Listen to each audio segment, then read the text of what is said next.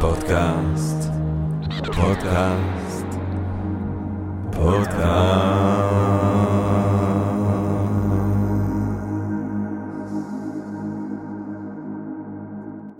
טוב, גבירותיי ורבותיי, ברוכות וברוכים הבאים לפודקאסט של Think and Ring Different, פודקאסט למי שאוהב לחשוב ולשתות. אני ג'רמי פוגל ואנחנו רוצים קודם כל להתחיל עם רגע של הודיה לעצם היש, למציאות. לעצם היקום שמאפשר לנו למרות הכל להתכנס כאן כולנו ביחד ובעברית למען הרחבת התודעה, העמקת הדעת, גירוי ואולי אפילו סיפוק הסקחנות ואולי איזשהו רעיון מעורר השחאה, רעיון מפליא, רעיון מדהים ככה באמצע היום, מי יודע. אה, כאן ב-Think and Ring Different ועל הדרך כמובן אנחנו רוצים גם להגיד תודה לסמסונג נקסט תל אביב שבבונקרים שלה אנחנו מקליטים את הפרק הזה. אמ, היום גבירותיי ורבותיי, אנחנו רוצים לדבר על פילוסוף. וכשאנחנו מדברים על פילוסוף, אה, או מדברים בכלל על פילוסופיה, זה משהו שכבר חזרתי עליו בפודקאסט הזה כמה וכמה פעמים. אה, בהקשר הזה של אה, דיבורינו הרבים על הפילוסופים הגדולים, זה שהפילוסופים של פעם, הם היו שונים בכל מיני אופנים, וקודם כל אולי בדרך שבה הם חשבו על הדרך, של, על התפקיד של הפילוסוף. כן? אם אנחנו חושבים אולי בהקשרים היום, אנשים שעוסקים בפילוסופיה הם בעיקר אולי פרופסורים שהם מלמדים באמת באקדמיה. אנשים כמו סוקרטס ראו את תפקידם בצורה מאוד מאוד שונה. זה התפקיד היה תפקיד ציבורי מאוד, תפקיד שמבחינתו דרש נראות ציבורית, כן? סוקרטס מסתובב בשוק, איפה שכולם, ובשוק הוא מעורב בפעילות חתכנית, שבו הוא שואל שאלות, הוא, הוא עוקץ. היתוש זבובים הזה, הזבוב סוסים הזה, כן, סוקרטס, הוא מזמזם ועוקץ ומפר תפיסות ש... החברה אוהבת להאמין בהם מבלי אה, לחקור אותם יתר שאת, מבלי לבחון אותם בצורה ביקורתית. התפקיד הציבורי הזה של הפילוסוף הוא כמובן מלווה את הפילוסופיה בעוד כל מיני תקופות בולטות של ההיסטוריה שלה. אנחנו חושבים על התפקיד החשוב הציבורי שהיו לפילוסופים אה, במאה ה-18, בנאורות, שבסופו של דבר יש קבוצה מאוד קטנה של הוגים ואינטלקטואלים שמפרסמים והם במרכז העולם התרבותי של זמנם, והם רואים לעצמם תפקיד היסטורי לבקר את הסדר הישן כדי להוביל לסדר חדש. בקיצור, לפילוסופיה אה, בכמה רגעים בולטים ויפים בהיסטוריה שלה היה תפקיד ציבורי מאוד מאוד מובהק.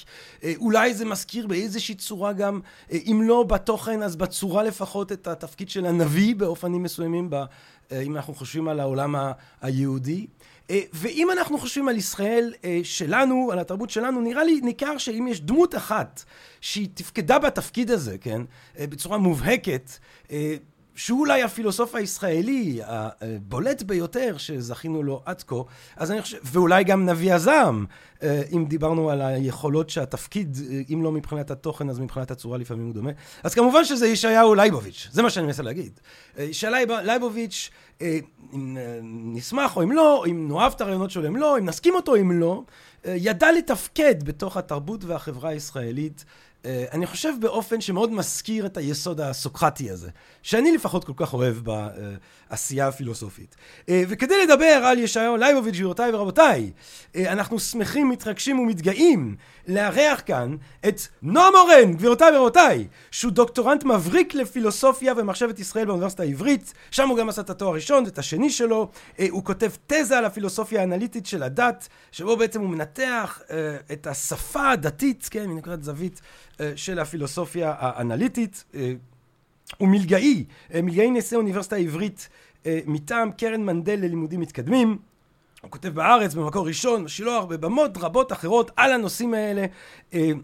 אפשר לראות אותו. אה, אפשר לראות אותו אצלנו בקורס לפילוסופיה של Think and Ring Different, שאנחנו מריצים ככה מדי פעם, שיש גם יניב איצקוביץ', הגאון, ואני הקטנצ'יק גם שם, וכל מיני אנשים, וכיף לנו גדול, אז תבואו לשמוע את נועם ואת שאר החבר'ה, אם בא לכם, אצלנו ב-Think and Ring Different. נועם אורן, שלום רב. שלום שלום. טוב, מספיק קשקשתי, קשקשתי את עצמי לדעת כבר. בואו נחתוך פה ישר לווריד הצוואר.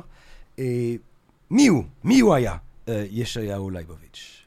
טוב, אז כמו שאמרת, ישעיהו לייבוביץ' הוא אחת הדמויות המוכרות בציבוריות הישראלית. הוא אולי הפילוסוף הכי מוכר בציבוריות הישראלית. אז בואו קצת נדבר על מי הוא היה, ואז קצת נדבר יותר על מה הוא אמר, ומה היו המחשבות שלו, ומה הייתה הפילוסופיה שלו. כן. אז אם נדבר קצת שנייה ביוגרפיה ממש, הוא, הוא נולד בריגה ב-1903, הוא נפטר בירושלים ב-1994, ובין לבין החיים שלו היו סוערים. הוא נולד, אה, אה, כמו שאתם שומעים, ב-1903 לפני מלחמת העולם הראשונה, ובוודאי שלפני מלחמת העולם השנייה.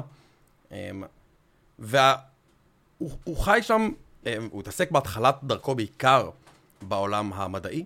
זאת אומרת, ההש- ההשכלה שלו היא השכלה מדעית, של רפואה, של ביולוגיה, של ביו, ביוכימיה, וזה הנושאים שבהם הוא התמקצע ובהם היה לו דוקטורטים. יש תמיד את השמועה הזאת שהיה לו שבעה דוקטורטים. למיטב ידיעתי זה לא נכון, היה לו איזה שתיים או משהו כזה, שזה מרשים כשלעצמו. אני. כותב אחריו דוקטורט אח- אחד, כן. זה, גם קשה. כן, יש לומר שהייתה קצת אינפלציה בקטע הזה של כמה אתה צריך לכתוב כדי לעשות דוקטורט, כי, לא יודע מה, הדוקטורט של מקס זה איזה 40 עמודים. עכשיו, אני כן. בטוח שה-40 עמודים האלה הם אה, ראויות יותר מדוקטורטים של 500, אבל היום אתה כותב 500. הדוקטורט של ויטגנשטיין זה 12 עמודים. כן. אמ, בכל אופן, מדובר באדם מבריק. אה, כן. אה, לא, ברור, ברור, ברור, לא, ברור. מדען. זאת אומרת, כן. אנחנו בעצם, יש לנו מדען יהודי. מדען אה, מהשורה הראשונה, הוא כן. כותב את הדוקטורט שלו תחת מנחים שזוכים בפרס נובל, הם רוצים ש- ש- שהוא יעבוד תחתם, והוא מסרב כי צריך לעבוד בשבת. הוא, הוא, הוא גדל בבית יהודי, הוא מקבל חינוך הם, רחב מאוד, פרטני, home schooling, הם, וחינוך יהודי מאוד מאוד אה, רחב ועמוק. יש לו מורים פרטיים כל הזמן, והוא, והוא מקבל השכלה נורא נורא רחבה, ביחד עם אחותו המפורסמת, נחמה ליבוביץ', שהפכה להיות מחוקרות הפרשנות המקרא המפורסמות. אמ, אז הוא הוא מקבל חינוך יהודי וגם כללי מאוד מאוד רחב, והוא גדל בריגה. אמ, עם עליית הנאצ- הנאצים לשלטון, הוא מתחיל להיות אה, מתנגד משטר. מטעמים מובנים, אבל גם אנחנו נראה אחר כך את השורשים של זה, זאת אומרת, איך זה משפיע על ההגות שלו, כן. ואת תפיסת המדינה שלו. איפה הוא נמצא אה, כשהנאצים עולים לשלטון? אז, אז הוא, הוא נמצא בסוף לימודי הרפואה שלו, הוא מתחיל לברוח בשנה האחרונה שלו, עד כמה שאני יודע. מה שאני אומר עכשיו זה מכל מיני סיפורים ודברים כאלה, אני לא יודע אם אני חותם על זה היסטורית. יש אפילו איזשהו סיפור של ליבוביץ', בהיותו מתנגד משטר, מתחיל לברוח מהשלטונות, ובאיזשהו רגע השלטונות מגיעים לבית של uh, אשתו, גרטה ליבוביץ', שלימים הייתה פרופסור למתמטיקה, ומגיעים לבית של אשתו, והוא לא נמצא שם, והסיפור אומר שלאה גולדברג הייתה שם, והם שולחים מכתב ללייבוביץ', תשמע, השלטונות באמת רודפים אחריך, והוא בורח מברלין לבאזל, ושם הוא מסיים את לימודי הדוקטורט שלו, ואז הוא כבר עולה לארץ, Mm. והופך להיות חלק מהסביבה שלנו פה. אגב, כבר אז הוא היה מאוד פעיל בתנועה הציונית, בתנועה הציונית דתית. זאת אומרת, כבר אז הוא היה ציוני דתי, עוד, עוד ניגע בזה בהמשך, מה זה אומר שהוא היה ציוני דתי, אבל כבר אז הוא היה פעיל בפועל המזרחי, בצ... בתנו... ב- בתנועות של אה, צעירי הציונות, וגם בישראל הוא מגיע לפה והופך להיות פעיל פוליטית, Hmm. מאוד משמעותי. ומה- אז מה קורה בעצם? הוא מגיע לארץ, הוא- הוא- הוא הוא באוניברסיטת ירושלים, באוניברסיטה העברית, אה, באוניברסיטה... ב- במחלקות, במחלקות במחלקות ביולוגיה וכימיה. ביולוגיה, ביוכימיה וזה, הוא מלמד מדע. כן. מתי בעצם הוא מתחיל להיות קול תרבותי בולט? מעבר לעניין המדעי הרי. אז, אז כאמור, מאז הוא, זאת אומרת, לא מאז ומעולם, אבל הוא היה פעיל פוליטית והוא היה מוכר, והוא רץ לכל מיני אמ, ועדות ודברים כאלה בהקשר של הציונות הדתית, והוא היה מוכר, ואני חייב להגיד, בהקשר המחקרי, הרבה פעמים חוקרים אוהבים לחלק לישעיהו המוקדם וישעיהו המאוחר. זאת אומרת, בשלב המוקדם הוא באמת היה ציוני דתי במובן הקצת יותר קלאסי של המילה. אני לא יודע אם זה קלאסי, כי גם אז הוא היה די רדיקלי, שהוא רצה מדינת תורה. זאת אומרת, הוא רצה שתקום מדינה שחוקיה יהיה חוקי ההלכה, ויש לו וואו. כמה מאמרים כאלה. זה ישעיהו הרבה פחות מוכר לנו, אנחנו מכירים את ישעיהו ליבוביץ' שהתנגד לחיבור, לחיבור בין דת למדינה. אמ, יש המון מחקרים על הקשר הזה, אבל ישעיהו ליבוביץ' המוכר יותר זה הזה המאוחר שעליו אנחנו בעיקר נדבר היום, והוא כבר אז היה דמות נורא נורא ציבורית, זאת אומרת, הוא היה מרצה לביולוגיה וכימיה, אבל בו זמנית הוא כבר הפך להיות מרצה מאוד מאוד פופולרי מחוץ לאקדמיה. הוא היה מרצה בכל מיני סמינרים, בבית הלל, בכל מיני דברים כאלה, בתנועות, במפגשים של הציונות, אה, הציונות הדתית, ושם הוא הפך להיות אה, רוקסטאר, ממש רוקסטאר. זאת אומרת, ממלא אולמות, אה, אני מכיר את זה כי סבא שלי היה הרבה פעמים ה- זה שהציג אותו. בהרצאות, וזה שעשה מה אתה איזשהו, אומר? עשה איזשהו הרצאה, Ladies and gentlemen, בדיוק, הציג אותו, you getting to rumble? בדיוק, עשה איזשהו הרצאת פתיחה, כן. ואז אה, אה, אה, הציג אותו, וכבר אז באמת הוא היה ממלא אולמות ענקיים, והוא היה אה, אותו ישעיהו ליבוביץ'. שוב, היה לו דעות קצת שונות, באיזשהו רגע זה השתנה, שאלה בדיוק מתי זה ישתנה ולמה, לא ניכנס לדקויות כן. האלה, אבל הוא היה דמות ציבורית מאוד מאוד מהר. ומה היא אומרת, הדמות הציבורית הזאת, אז בעצם? אם אנחנו נחשוב על, על, על, על החיים האמיתיים של האיש, הרעיונות, כן, או לא יודע, זה מה שפוקו אומר פעם, הוא אומר, אתם שואלים אותי, הם רוצים לשאול אותו שאלות על חיים, הוא אומר, אבל הרעיונות הם החיים שלי. מה הם- מה מה הם הרעיונות הבולטים, אתה חושב, של של ישעיה ליבוביץ'? אז, אז אני חושב שכדי להתחיל לדבר עליו, אנחנו צריכים לדבר על איזשהו רעיון שהוא לא שלו, אבל שהוא עומד בתשתית שלו. וזה הרעיון של הכשל הנטורליסטי. הכשל הנטורליסטי ש, שנמצא אצל דיוויד יום, פילוסוף נורא מפורסם, ובגרסאות אחרות שלו אצל ג'י מור.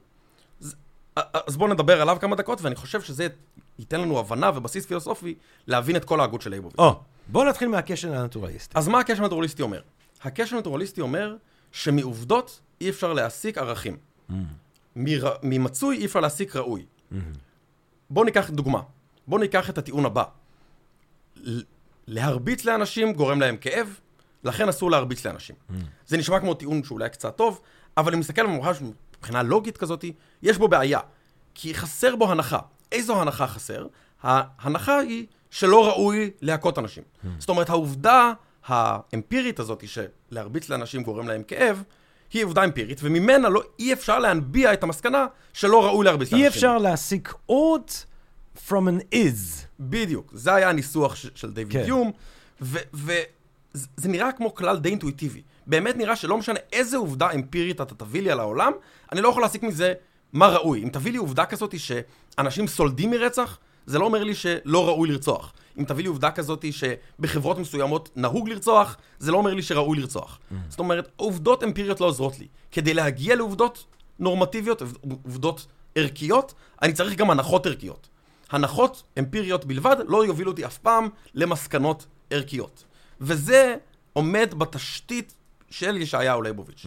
אז חשוב לי שזה יהיה מובן. זה היה הצגה מובנת של הקשר הנטורליסטי. אחת מההצגות המובנות ביותר שאני זכיתי להן. תודה, תודה רבה לך. נו, אבל בסדר, אוקיי, אז יש לנו את. הבסיס. יש לנו את הבסיס, אי אפשר מעובדות אמפיריות להסיק אה, טיעונים מוסריים, או לבסס עליהם טיעונים מוסריים, ערכיים. מה, מה, מהכשל הזה, איך אנחנו, איך אתה רואה בכשל הזה הבסיס לחשיבה של אוקיי. לייבוביץ'? זה מה שהופך את ליבוביץ', נותן לליבוביץ' את ההצדקה להפריד בין ערכים לעובדות, ובין ערך לבין אמת. באחד הציטוטים המפורסמים שלו, ליבוביץ' כותב שאמת וערך אלו קטגוריות נפרדות. זאת אומרת, שכל מה שקשור לעולם הערכים, של מה שראוי שיהיה, זה לא אמיתי. אם מישהו אומר אסור לרצוח, אין לטענה הזאת ערך אמת. זה לא שהיא טענה שקרית, זה לא שהיא טענה אמיתית, היא לא זה ולא זה. אין לה ערך אמת. אז מה היא כן? היא מבע של רצון. אני לא רוצה לרצוח, אני מזכיר נגעל מאוד את מרצח. ה... אה, פה כמובן מזכיר מאוד את ה-verificationism אולי של אלפרד אייר, language, truth and logic, לחלוטין. שבעצם הוא רוצה להגיד, מה שאתה בעצם אומר, אה, אה, כשאתה אומר רצח רע, זה רע, אתה בעצם אומר רצח פויה. אתה בעצם אומר משהו שהוא לחלוטין הבעה של רגש שלך. אתה אומר, אה, רצח איכס, זה מה שאתה אומר. ואתה אומר, אה, אה, חסד טוב, אתה אומר חסד יו, חסד או. זה משהו שאין לו אפילו אה, מערך ב-. סימביוטי ראוי. זאת כן. אומרת שכל הדיון על ערכים, זה לא דיון שבכלל רלוונטי להביא בו עובדות, ראיות, טיעונים, טענות. כל המילים האלה שהבאתי עכשיו, הן לא קשורות אבל בכלל... האם, האם מבחינת אייר זה רוצה להגיד שהמילים האלה הם חסרי משמעות? לא, סליחה, לא, לא. מבחינת אה, לייבוביץ', כי מבחינת אז- אייר, אה, האם מבחינת לייבוביץ', זה שיש את ההפחדה הזאת הופכת אותם לחסרי משמעות? אז צריך להיות זהירים לגבי מה זה אומר חסרי משמעות. יש את ההבחנה הזאת בין חסרי משמעות לחסרי מובן וכל כן. מיני דברים כאלה. חסרי משמעות במובן שאין להם ערך אמת. הם לא אמיתיים או שקריים. יש טענות שהם אמיתיים, אמית... זאת אומרת, אם אני אומר לך, היום יום חמישי זה או אמיתי או שקרי. תלוי באיזה יום היום. אבל אם אני אומר לך איכסה, או אני אומר לך אפילו צא מהחדר. צא מהחדר זה לא טענה אמיתית או שקרית. זה speech act, אני אומר לך איך לפעול. כן. אמ, ואם ככה, אז speech act, זאת אומרת, אה, מילים... פעולת ש- דיבור. כן, ש- מילים שבאים לבצע בעצם פעולה. אתה צריך לקחת בחשבון, כשאתה חושב על משפט, לא רק את המשמעות של המשפט, אלא איך הוא מתפקד, מה הוא בא לעשות. כן, כן. אז, אצל ליבוביץ', להגיד שזה חסר משמעות זה, זה יהיה קצת פספוס, או לפחות זה יגרום לאי-הבנה בקרב השומעים. כי יש להם משמעות. יש כן. להם משמעות במובן שזה הדרך של אנשים לבטא רצונות. אבל אין להם משמעות במובן שהם לא אמיתיים או שקריים. אני, אני רוצה אפילו להקריא, יש מכתב שאיזשהו אמ, אדם שולח לליבוביץ', לליבוביץ' אגב, שלחו כל הזמן מכתבים, והוא ענה לכולם באופן מדהים. אמ, אז אחד מהאנשים שאל אותו על, בתוך השאלה היה את הניסוח של אני רוצה להתנהג על פי האמת. ולייבוביץ' עונה לו ככה, שאלתך על מחויבות להתנהג על פי האמת היא חסרת מובן. האדם מסוגל להכיר עובדות, זאת אומרת לרכוש ידע, ואין הוא יכול שלא לדעת את אשר הוא יודע. המסקנות כפויות עליו, וזאת היא המחויבות שבאמת. המחויבות לדת. התנהגותו של האדם מתחייבת מהכרעותיו הערכיות. טוב, רע, מגונה, נאה, אסור, מותר וכדומה. והללו אינן נובעות ממה שהוא יודע, אלא ממה שהוא רוצה בו, או שואף אליו. אמת וערך הם שני עולמות נפרדים. למשל, ייתכן שפלוני יגיד, אני יודע שהעישון מזיק לבריאות, אבל אני רוצה לעשן. זאת אומרת, ערכים זה רצונות. אני רוצה. אז אם אני רוצה משהו או לא רוצה משהו, זה פשוט עניין של רצון. אין פה טיעונים, אין פה טענות, אין פה. שכנוע. כי, אתה יודע, גם, זה משהו שאנחנו רואים כבר אצל הובס, אצל שפינוזה, שפינוזה אומר באתיקה משהו כמו, זה לא שאנחנו עמלים למען, אה, שואפים ל... עובדים למען הטוב, אנחנו מגדירים כטוב את מה שאנחנו שואפים אליו, רוצים אותו, עובדים אליו. זה הופך אותו לרלטיביסט בעצם? זאת אומרת, כי כל אחד, זאת אומרת, טוב, כל אחד יש לו את הרצונות שלו, והרצונות האלה הם באים לידי ביטוי בערך, ואין להם ערך אמת לערכים האלה, אז כל אחד ו... והכיוון שלו. כן. אז רלטיביסט זה מילה קצת בעייתית, כי רלטיביסט זה יחסי. זאת אומרת, רלטיביזם לרוב, אני, אני לפחות מבין את העמדה הזאת, כעמדה שאומרת שהאמת היא יחסית. אה. האמת היא יחסית לזה. לייבוביץ' חושב שאין אמת ב, ב, ב, בטענות ערכיות. כן. זה לא שהן שקריות, זה לא שהן אמיתיות. בוא נגיד פרספקטיביסט. פרספקטיביסט או נון קוגניטיביסט. כן. זאת אומרת שטענות ערכיות אינן טענות קוגניטיביות, אינן טענות על אודות מצב העניינים בעולם. כן. אינן טענות בכלל. זה, זה ככה אתה מגדיר את העמדה המוסרית שלו. זה העמדה אה, הכללית שלו, לא רק המוסרית, זה משליך גם על, כמו שאמרתי, על המוסר. כן, אבל אם אז- אנחנו חושבים על המוסר של לייבוביץ', אז- זה אתה חושב, there the buck stops. כן, בוא, אז בוא נעשה את הצעד הבא, כן. ונבין עכשיו איך... בוא נגיע ללייבוביץ' שאנשים מכירים. כן. אז אחרי שהוא הגדיר מהם ערכים, הוא רוצה להגדיר מה, מה זה ערך עליון. ועכשיו תחשוב על ניסוי המחשבה הבא. הוא, אדם שואל אותך, מה אתה רוצה? והוא אומר, אני רוצה ללכת למכולת, אוקיי? עכשיו אני שואל אותך, למה אתה רוצה ללכת למכולת? כדי לקנות חלב. ואז אני שואל אותך, למה אתה רוצה לקנות חלב? אני, אני שואל אותך, למה כל פעם? מתישהו, לייבוביץ' טוען, זה חייב להיגמר השרשרת הזאת של הלמה. חייב להיות ה... ככה, הדבר האחרון. השרשרת הזאת לא יכולה להיות אינסופית. הדבר האחרון הזה הוא מה שלייבוביץ' היה מכנה ערך עליון. Mm. זה אותו דבר ש... אני, אני אפילו אקריא במילותיו שלו, הערך זה אותו הדבר אשר דברים אחרים נדחים בפניו, והוא איננו נדחה בפני דבר אחר. Mm. מה זה אומר? זה הערך שבגללו אתה עושה את כל הדברים. כן. ואם יש דבר אחר שאתה עושה והתנגש איתו, אז ברגע שיש את ההתנגשות אתה תדע מהו הערך העליון שלך. כן. ולייבוביץ' טוען שיש בעולם שלנו, זאת אומרת, יש המון ערכים עליונים, אבל יש שלושה ערכים עליונים מפורסמים, או מרכזיים. והשלושה הם פשיזם, הומניזם ודתיות. זה השלושה ערכים העליונים שהוא מכיר. כן. וכמובן לייבוביץ' שם את עצמו בקטגוריה של דתיות, ובוא שנייה נבין מה זה כל אחת מהקטגוריות האלה. פשיזם זה כשהמדינה היא הערך העליון. למה אתה עושה דברים? כי בסופו של דבר זה טובת המדינה. ואם כל דבר יתנגש לך בטובת המדינה, אתה תעשה את טובת המדינה.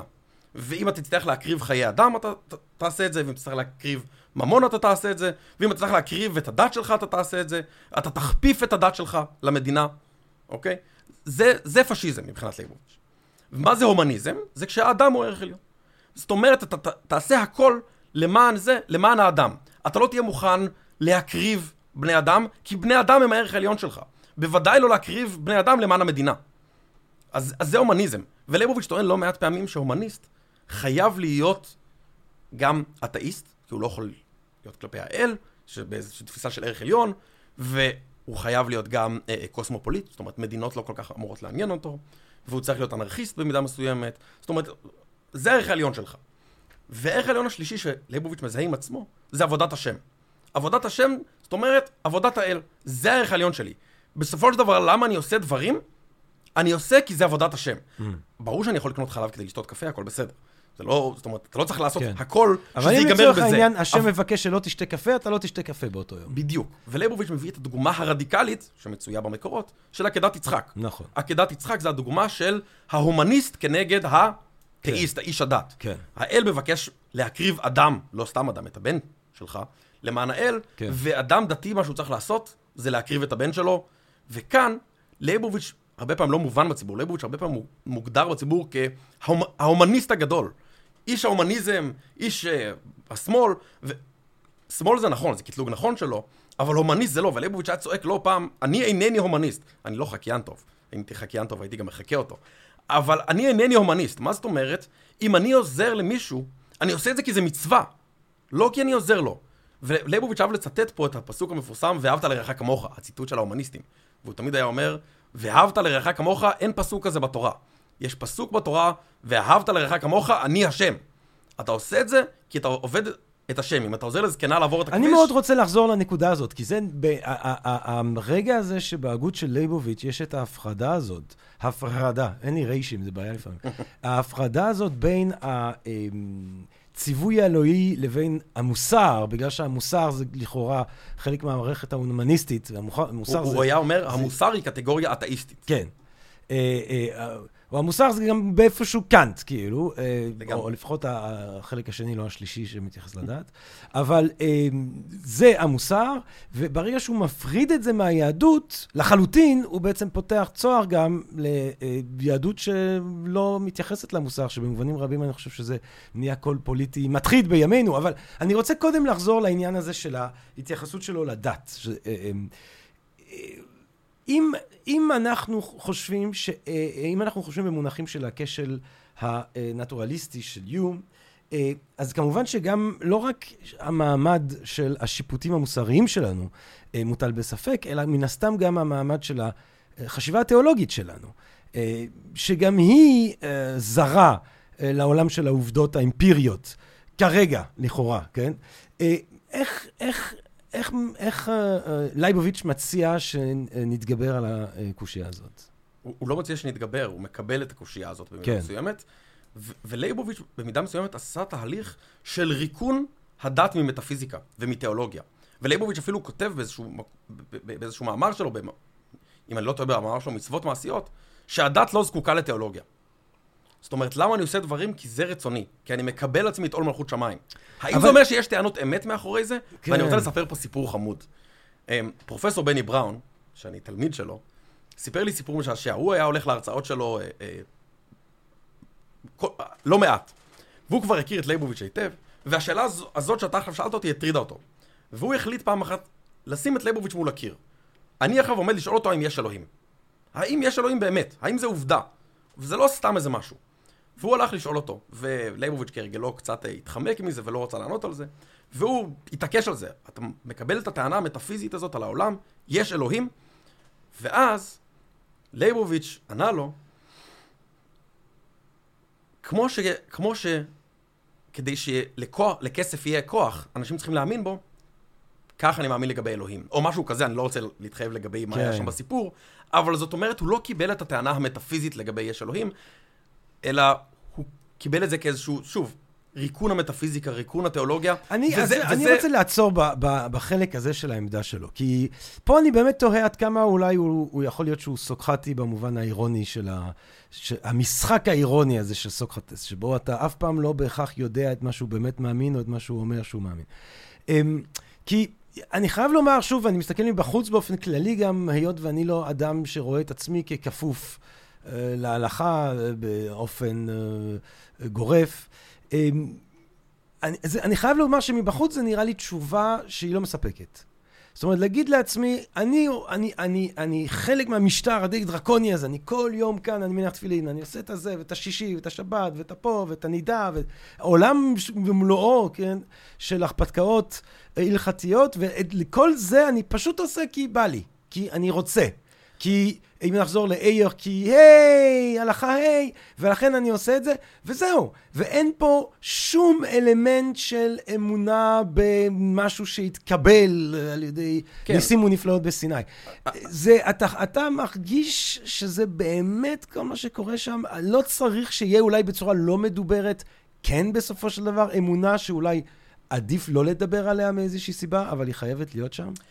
אם אתה שואל מבחינה פסיכו... זאת אומרת, צריך להפריד את השאלה השאלה הפסיכולוגית על אודות לייבוביץ' ואת השאלה הפילוסופית על אודות ההגות של לייבוביץ'. כן. מבחינת ההגות של לייבוביץ', אני חושב שהיא עומדת, והיא עומדת יפה, בלי זה. כן, אבל יפה. אני חושב שההגות מבחינה- לגבי הדתיות האנושית חייבת לקחת בחשבון את הפסיכולוגיה האנושית. נכון, לא, לא פעם אוהבים להזכיר את זה שללייבוביץ' אין תלמידים. זאת אומרת, זה לא בדיוק נכון, יש לו לא מעט תלמידים, אבל אין ממש בתי מדרש. זאת אומרת, יש בתי מדרש של הרב קוק, כן. בתי מדרש של הרב סולובייצ'יק. כן. יש לא מעט דמויות רבניות או יהודיות דתיות שהקימו זרם. לייבוביץ' לא הקים זרם. כן. ואולי זה קשור למה שאתה אומר עכשיו. זאת אומרת, קשה מאוד להיות דתי במובן הזה. זאת אומרת, למה אתה דתי? כי זה מה שאני רוצה. זה הסיפור. אני לא מקבל טענות תיאולוגיות, אני לא מקבל טענות מטאפיזיות, אני לא מקבל טענות על אודות עולם הבא, אני לא מקבל טענות על אודות עולם הזה. אה, אה, אותך זה מספק? נועם אורן? וואו, אה, שאלה, שאלה גדולה. אותי זה מאתגר. כן. זאת אומרת, כאשר אני מנסה לחשוב על תפיסות דתיות, לייבוביץ' תמיד נמצא שם ברקע. אני לא מצליח לחשוב דת בלי לייבוביץ' כבר. תראה, גם יכול להיות, אולי, אולי אפשר לתת, אולי תיארתי את זה בצורה קצת חסרת, אה, אה, או לא מספיק, אה, טוב, א', ברור שלא מספיק, אבל אולי לא תיארתי את זה בצורה, אה, אפשר לתאר את זה בצורה יותר משכנעת, מאשר אם אנחנו חושבים על קירקגארד, שביסס, שכמובן השפיע רבות על לייבוביץ' וקירקגארד, אה, בא בטיעון שהאמונה היא דווקא על בסיס האבסורד. זאת אומרת, זה, מה, זה כל אבל- המשחק כאן. זאת אומרת, עצם זה שאני קופץ את קפיצת האמונה, אני עושה אותה על בסיס האבסורד, ואם הייתי עושה את זה מסיבות רציונליות ולוגיות, אז באמת כבר לא היה צריך אמונה, יש ידיעה. העניין של האמונה, המבחן שלה, הקושי שלה, העילאי, אה, היא הקפיצה הזאת בגלל האבסורד. אתה חושב שאולי יש איזשהו אלמנט כזה גם? אמ, אני דווקא חושב שלא. זאת אומרת, לייבוביץ' בהחלט הושפע מקירקגארד, והוא אוהב לצטט אותו בכל מיני הקשרים, אבל העניין של האבסורד ואהבת הסתירה והמתחים, דווקא לייבוביץ' לא היה הבן אדם הזה. לייבוביץ' אהב את, את השלמות, את הקוהרנטיות, את הרציונליות, הוא היה שיא הרציונליות. ופה מה שהוא אומר זה פשוט רציונליות לא רלוונטית. זה לא שאני א-רציונלי, אני לא אנטי-רציונלי, אני לא נגד הרציונליות, אני פשוט לא בתחום הרציונליות. אבל- וכמו שאתה שואל עכשיו את האדם הדתי, לפי לייבוביץ', לגבי זה שנייה, אבל אין לך אה, טענות על העולם ודברים כאלה, זה לא נובע מזה. לייבוביץ' אומר, גם אתה, בתור אדם מוסרי, נכון? אתה, הרי אתה רואה את עצמך בתור אדם מוסרי, הומניסט אני מניח, או גם האדם הפשיסט, דברים כאלה, הוא היה אומר, גם אתה, אין טענות מאחורי זה. זה הכל פויה ואיכסה, וגם אתה חי במשטר נורא נורא מוקפד לגבי זה. אתה, אתה לא, אני לא יודע, אתה לא אוכל, אני לא יודע מה אתה עושה. אבל טבעוני. לא עושה. אתה טבעוני, רחמנא ליצלן. טבעוני. אתה כל חייך משעבד את עצמך למה אתה אוכל ומה לא. כן. אה, אני בעד, כמובן. אבל אה, אה, ליבוביץ' אומר, מה, אתה משעבד את כל חייך, וגם שם אין עובדות ברקע, שם זה גם הכל רוצה. אז ליבוביץ' לא רואה את עצמו כחריג בנוף. הוא אומר, פשוט מערכת הרציות שלי היא מערכת שונה. אגב, פה יש נקודה נורא מעניינת, מה קורה כאשר שתי אנשים בעלי עמדות ערכיות שונות מת- מתווכחים זה עם זה. ולפי ליבוביץ' אין מקום לוויכוח. יש לו משפט מפורסם, על ערכים לא מדברים, על ערכים נלחמים. כן, למה לא מדבר- מדברים? בגלל הקשר הנטורליסטי.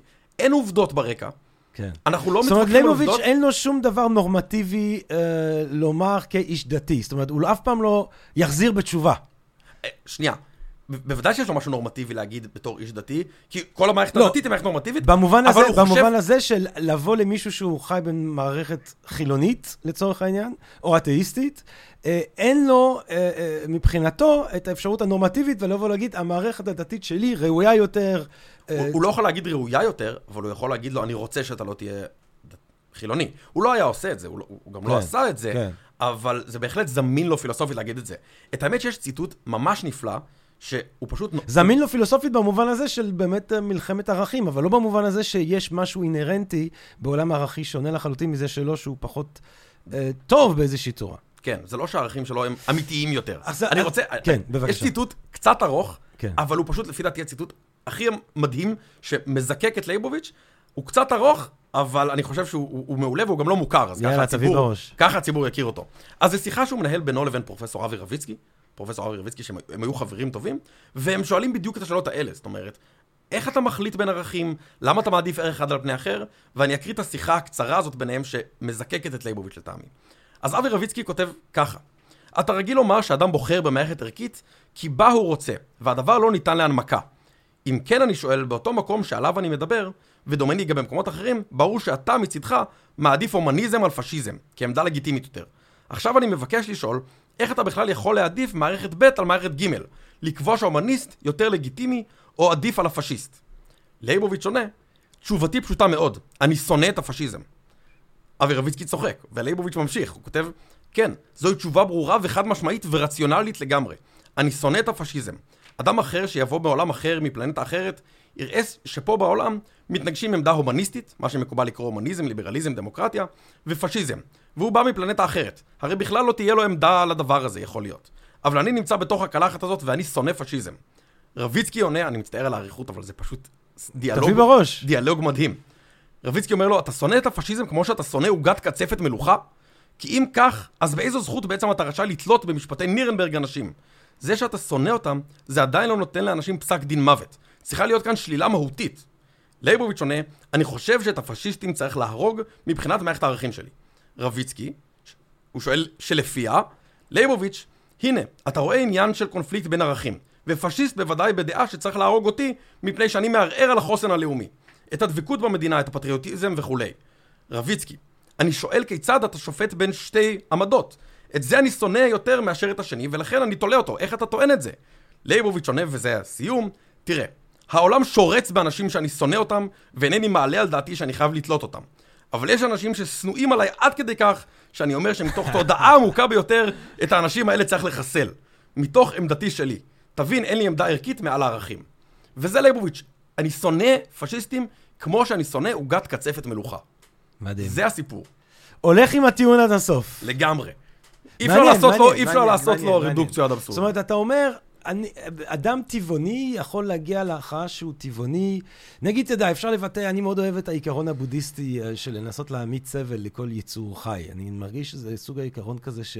You can't go wrong, כאילו, באיזשהו... זורק את העיקרון הזה שם כאיזשהו בסיס לפעילות המוסרית שלי, כי אם אתה מנסה להקטין סבל, אה, לפחות אתה, עלול פחות להזיק. אני יודע, גם אני יודע, אני לא באמת יודע. אבל נגיד, אתה אומר, יכול להיות שזה בעצם סוג של ה-היי שלי, הי- הידע שלי, כאילו הצהלה שלי הרגשית לדבר הזה, אה, ואני פועל לפי הדבר הזה, גם אם אני בעצם יכול להשהות את התפיסה לגבי האמת המטאפיזית של העיקרון הזה. זאת אומרת, האם העיקרון הזה אמיתי בעולם כפי שהוא כשלעצמו, מחוץ לתודעה שלי, אה, אולי כבאמת נון קוגניביסט אתה יכול להגיד לא, לא בהכרח, אבל עדיין הפעילות הזאת, אני נקרא לפעילות הזאת, ולכן לפי זה אני, אני, אני חי, אני לא צריך אוקיי, אז- מטאפיזיזם. אז ליבוביץ' יגיד, אתה נקרא לזה, אני נקרא לזה, ואנחנו כן. במלחמה. ונראה עכשיו- מי איתנו ינצח. אני- כן, לא, בבקשה. אני, אני רוצה קצת להמשיך הלאה במסע של ליבוביץ', כדי. שנגיע לעוד דברים. זאת אומרת, ליבוביץ' לא מוכר, מה שעשינו פה היה די פילוסופי-תיאורטי עד עכשיו. כן. עוד לא הגענו לפוליטיקה, ל- זהו, אני, לדברים ה- אבל זהו, אני רוצה, אני, אני, ואני גם רוצה לחזור למוסר ויהדות, אבל בוא, בוא באמת תקשור לי, כי, כי מעניין, בוא נגיד זה ככה. אני חושב שהעמדת, ה- העמדה הקדומה אולי, לגבי סוג העמדות הפילוסופיות האלה, זה שדווקא בזה שאתה מחזיק תפיסה שחושבת שהרצוי הוא לא באיזשהו אופן חלק מהמערכת של הטבע או של העל-טבעי, אבל של הקיים, אמ, אתה, זה יחליש אולי את המחויבות המוסרית שלך. ודווקא אצל לייבוביץ' אנחנו פוגשים פילוסוף שהוא לפחות לכאורה מאוד מחויב על עמדות מוסריות ופוליטיות. איך, אז- איך הדבר הזה מתיישב? אז שוב, הוא, הוא היה מגדיר שהוא לא מחויב לעמדות מוסריות, אלא עמדות דתיות, ומבחינתו כל העמדות הפוליטיות שלו והמוסריות שלו, שמוכרות לציבור, הן נובעות מהתפיסות הדתיות שלו, Mm. אוקיי? זאת אומרת, כל העמדות השמאליות שלו, העמדות השמאלניות שלו, הן עמדות שבעצם הן עמדות דתיות, הן לא עמדות הומניסטיות. ועכשיו, בוא, בוא, בוא, נתגלגל הלאה ונבין את זה. אז לייבוביץ' חילק את הדת, אני, אני חוזר שנייה לדת ואז נחזור לזה. לייבוביץ' חילק את הדת לשני סוגי דתיות, דתיות לשמה ודתיות שלא לשמה. מה זה דתיות שלא לשמה? זה דתיות שלא שמה את האל כערך עליון. מה היא שמה? היא שמה את האדם, או את המדינה, דברים כאלה. זאת אומרת, למשל, הדוגמה המפורסמת של ליבוביץ' זה תפילה. כאשר אדם מתפלל לבריאותו, אז הוא משתמש באל לצרכיו שלו. זאת אומרת, האל הוא כלי עבורו, ולכן הוא איננו עובד אלוהים. אדם צריך להתפלל כי חובה להתפלל. זה מה שצריך כדי להתפלל. אז, אז מבחינת ליבוביץ' זו דתיות שלא לשמה אם אדם מתפלל לרפואתו, או הוא אה, אה, מתפלל לשלום המדינה, או דברים כאלה. אם הוא מתכוון למילים האלה. מצווה תפילה היא מצווה להתפלל, וזהו. הדוגמה הרדיקלית בהקשר הזה, אגב, זה השואה. כאשר אנשים איבדו את אמונתם בעקבות השואה, ליבוביץ' הביא, אמר את המשפט הבא, משפט מחריד, אה, אה, אבל, אבל מרתק. הוא כותב ככה, מי שאומר שבעקבות אושוויץ איבד את האמונה באלוהים, לא אני עונה מיני ובי, משמע שמעולם לא האמנת באלוהים, אלא בעזרת אלוהים. זאת אומרת, אתה לא יכול להאמין בעזרת אלוהים. איך כל זה מתקשר לפוליטיקה שלו? לייבוביץ' ראה את העמדות הדתיות שהיו בזמנו, זאת אומרת, אני, שאני, תלמידי הרב קוק למיניהם, כפשיסטים. ככאלה שרואים את, ה, את הדת ואת האל ככלי שרת בידי המדינה, בידי השטחים, בידי דברים כאלה, והם מבחינתו עובדי עבודה זרה ממש. זאת אומרת, מבחינתם הם עובדי עבודה זרה, כי האל שלהם הוא המדינה והשטח, ולא אלוהים. ואני עובד אלוהים, ואני לא מוכן, אוקיי, להקריב את האל, או שהאל יהיה לי, ישחק לי תפקיד בשביל המדינה. הפוך, אני מוכן אולי שהמדינה בשביל האל. עוד שנייה נדבר גם על דת ומדינה, אבל פה הוא, הוא, הוא, הוא פה נ, נ, השורש של עמדת השמאל שלו. עמדת השמאל שלו היא, היא, רת, היא, היא רתיעה מהעלאת המדינה, ההתנגדות לפשיזם, ופה צריך לדבר קצת על תפיסת המדינה שלו באופן כללי.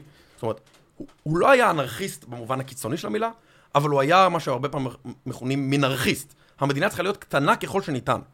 המדינה תפקידה רק לשמור, כמו הובס כזה, אם כבר. לשמור על, האזר... על האזרחים שלנו, דברים כאלה. לא, אבל אצל הובס כן, המדינה הובס היא קצת... ענקית, כאילו. נכון, אבל, אבל הסיפור הוא... לוויתן המדינה. נכון, אבל, אבל זאת אומרת, הסיפור הוא מה שמכונה שומר לילה. המדינה דואגת לביטחון פנים, לביטחון כן, חוץ, כן. אין לה סיפור של ערכים, כן. כי אני לא רוצה ועד בית, ועד בית. בדיוק, אני לא רוצה שתיכנס לעולם הערכים. כן. אני, לא רוצ, אני לא רוצה שתיכנס לעולם הערכים, ופה נכנס אני גם... חושב שוולבקי אמר פעם שהוא רוצה מדינה כמו מלון. כאילו, יש, אתה יודע, יש את הקבלה, מסדרים קצת את השירותים של כולם, ותעזבו אותנו בשקט. אז, אז הוא היה משהו כזה, אגב, זה נורא מעניין, כי, כי פה הוא נמצא בימין, כן? הוא נמצא בימין הליברטריאני הזה. כן. אמ, זו עמדה שהרבה פעמים לא אוהבים להחצין אצלו, כי בשאר הדברים הוא שמאל, ותלמידיו כן. לא רוצים להחצין את החלק הימני שבעמדות שלו. למרות שזה זה ימין שהוא, הוא, זה ימין מאוד מסוים, נכון. שהוא לא בהכרח גם הימין הבולט בישראל. נגיד. בהחלט, בהחלט. אמ, אבל, אבל פה, פה אני רוצה, אני רוצה לעשות איזושהי עצירה, לש, ל, ל, ל, לזרוק עליך לצורך העניין, כאילו שתהיה גם, אמ, שתדבר בש, בשמו של לייבוביץ', אתה יודע, זה, אמ, זה כמו שסוקרטס רוצה להתווכח עם פרוטגורס, אז הוא מדמיין אותו, כאילו יוצא מהאדמה, אז אתה עכשיו אה, לייבוביץ' שיוצא. מהאדמה, ואני רוצה לשאול אותך אני ככה. אנסה- אני אנסה לעמוד במשימה, כן. אבל אני בספק. לא, אבל הרי ברגע שאנחנו אה, מפרידים לחלוטין את המערכת הדתית מהמערכת המוסרית, ואנחנו בעצם מפשיטים מהיהדות, כן, את המרכיב המוסרי שלה. אני חושב למשל על אה, הרמן כהן, כן, אנשים, פילוסופים, מוסר הנביאים. פילוסופים אחרים שבאמת זיהו את מהות של התנועה הזאת, היהדות, כבשורה מוסרית קודם כל. כן? אה, וכן ואהבת לרעך כמוך, אה, גם אם בשם האל, זה עדיין ציווי מוסרי עילאי, כן? ושהמונותאיזם הוא בעצם ניסיון לה- להחדיר אל תוך העולם אותם ערכים אוניברסליים שאחר כך קאנט אולי הלך וידע לנסח בצורה פילוסופית, אבל הם כבר נמצאים בעצם בבשורת הנבואים. ברגע שאתה מפשיט את הדבר הזה, את הצדק החברתי שיש בשבת, זאת אומרת השבת והציווי של שבת, לא רק אל משהו שאתה מקבל, בגלל שאתה מקבל את אלוהים, נקודה, ואתה מקבל את זה ללא קשר, לא להשגחה ולא למוסר ולא למדינה ולא כלום, אבל אם, אפשר לבוא ולהגיד, אוקיי, אז ברגע שאתה מפשיט את ה... תעזוב את העניין הפוליטי, בסדר, אני, אני חושב ש... אבל העניין המוסרי בעיניי זה קשה כבר. זאת אומרת, אם, הר- אם אתה לא רואה בשבת משהו שהוא גם עניין של צדק חברתי, ושביהדות יש את הדבר הזה של מוסר וצדק חברתי, והדאגה לאלמנה ול... אה, אה, אה, ולעני ולחולה, והדאגה החברתית הזאת, אם אתה לא רואה את הדבר, את, ה, את, את הדבר הזה, אז בעצם היהדות יכולה להפוך להיות טכנוקרטית לחלוטין, א-מוסרית לחלוטין, ועל כן, אה, אם אתה לא... יכול להיות שכשמשהו נהיה א-מוסרי, הוא גם מאוד מהר נהיה לא מוסרי, כן? אה, ביידיש אומרים, אם זה לא מתקדם, זה הולך אחורה. אז, אז, אז, אז אולי הוא פתח את הצוהר לאפשרות להיות יהודי, אה, ופשוט לשים פס על ערכים מוסריים אוניברסליים, שהם יכולים להיות לב-ליבה בעצם של המקורות הקדומים שלנו. טוב, אני, אני שמח שזו השאלה שלך ואני צריך לענות בשם ליבוביץ', כי לשמחתי ליבוביץ' כתב על הדברים האלה. אז אני לא צריך לענות בשמו, ואני פטור. ליבוביץ' כתב על התפיסות האלה, והוא כן. כותב גם על קאנט. כן. וקאנט, אה, אה, בספר שלו על הדת, הדת בגבולות התבונה בלבד, בעצם מה שהוא עושה זה מכפיף את המוסר, את המכפיף את הדת למוסר. זאת אומרת, הדת היא איזשהו אה, אה, כלי שלנו כדי להיות אנשים מוסריים, כדי שיהיה לנו את המוטיבציות הנכונות, כן. כדי שנוכל לתפקד כאנשים מוסריים. לא ניכנס פה לפוסטולטים ולכל הדברים הטכניים כן. אצל קאנט, אבל את ליבוביץ' כל הזמן אהב להדגיש שקאנט הוא אתאיסט. עכשיו, לא, לא ברור אם קאנט הוא אתאיסט או לא, אבל למה הוא כל הזמן רוצה כן. להדגיש את זה?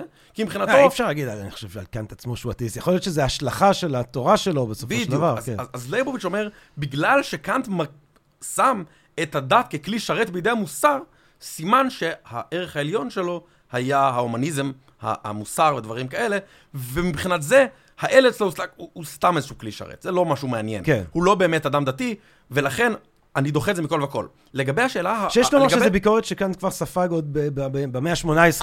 זה אתה בקיא יותר ממני. כן, כבר אז אמרו לו, תראה, אתה בסוף הופך לאלוהים לסוג של רהיט וזה. אוקיי, בסדר. אבל זה, זה באמת דבר אחד. לגבי השאלה הפוליטית שאתה טוען, זאת אומרת, ליבוביץ' בעצם הכשיר פה דת ללא מוסר. בדיוק. זאת אומרת, אתה צריך, יש הצדקה לחיות חיים דותאים, לעקוד את הבן שלך, גם כאשר זה לא מוסרי. תעזוב את הבן שלך, להיות, אתה יודע, לעסוק כל היום בשחיתות ובדברים נוראים, אבל לעמוד בתפילות ולעשות את ההלכה ולהיות יהודי טוב. אז אפשר לראות פה כמה דברים. א', יש חוקר נורא מפורסם ש...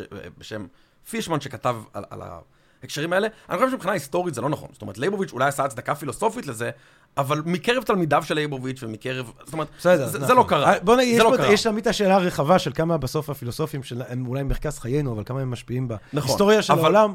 אבל לייבוביץ' יכול לענות... אבל תיאורטית. יכול, לייבוביץ' יכול לענות את התשובה הבאה. כן. כאשר אנחנו לא במלחמה בין הדת למוסר. זאת אומרת, יש, יש מקומות שבהם לדת אין מה להגיד. נכון? הדת היא לא חובקת קול, אוקיי? ולכן במקומות האלה, כאשר אתה שואל שאלות של שחיתות, אז אגב, לדת יש הרבה פעמים מה להגיד לענייני שחיתות, אבל כאשר יש משהו שהוא לא רלוונטי לדת, אז אתה יכול לבחור מערכת ערכים אחרת.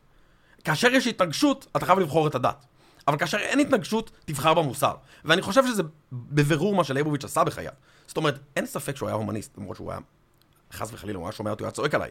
אבל הוא היה הומניסט כל עוד זה לא התנגש עם הדת. זאת אומרת, אולי אם נשים את זה במונחים קירקגרדיים באמת, יש השעיה אה, טליאולוגית, אה, או השעיה תיאולוגית של המוסר, אה, יש השעיה כאילו דתית של המוסר, אבל המוסר עדיין קיים. זאת אומרת, הוא כן היה מחויב, נגיד, אה, לצו הקטגורי, כן, אה, תפעל אה, לפי אותו חוק שהיית רוצה, יכול לרצות שהוא יהיה גם חוק אוניברסלי, או במילים אחרות, מה אם כולם היו מתנהגים ככה? אתה צריך תמיד לבחון את עצמך מה אם כולם היו מתנהגים ככה.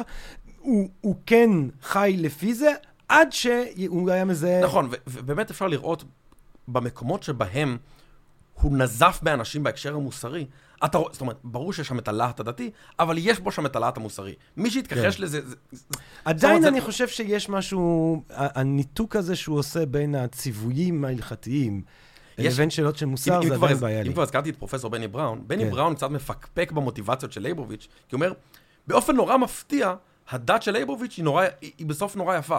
זאת אומרת, לייבוביץ' לא מגיע, זאת אומרת, הוא פונדמנטליסט דתי, אבל הוא מגיע בסוף לעמדו די, די סבבה. הוא לא פתאום מקים איזה דאעש כזה, הוא לא מפריד בין דת למוסר, כן. הוא לא איזה... זאת אומרת, בני בראון אומר, דווקא נראה לי שמבחינת לייבוביץ' בעצם מה שאכפת לו זה מההקשר המוסרי, הוא מגייס את הדת לטובת המוסר באמצעות איזשהו משחק פילוסופי נורא מרשים.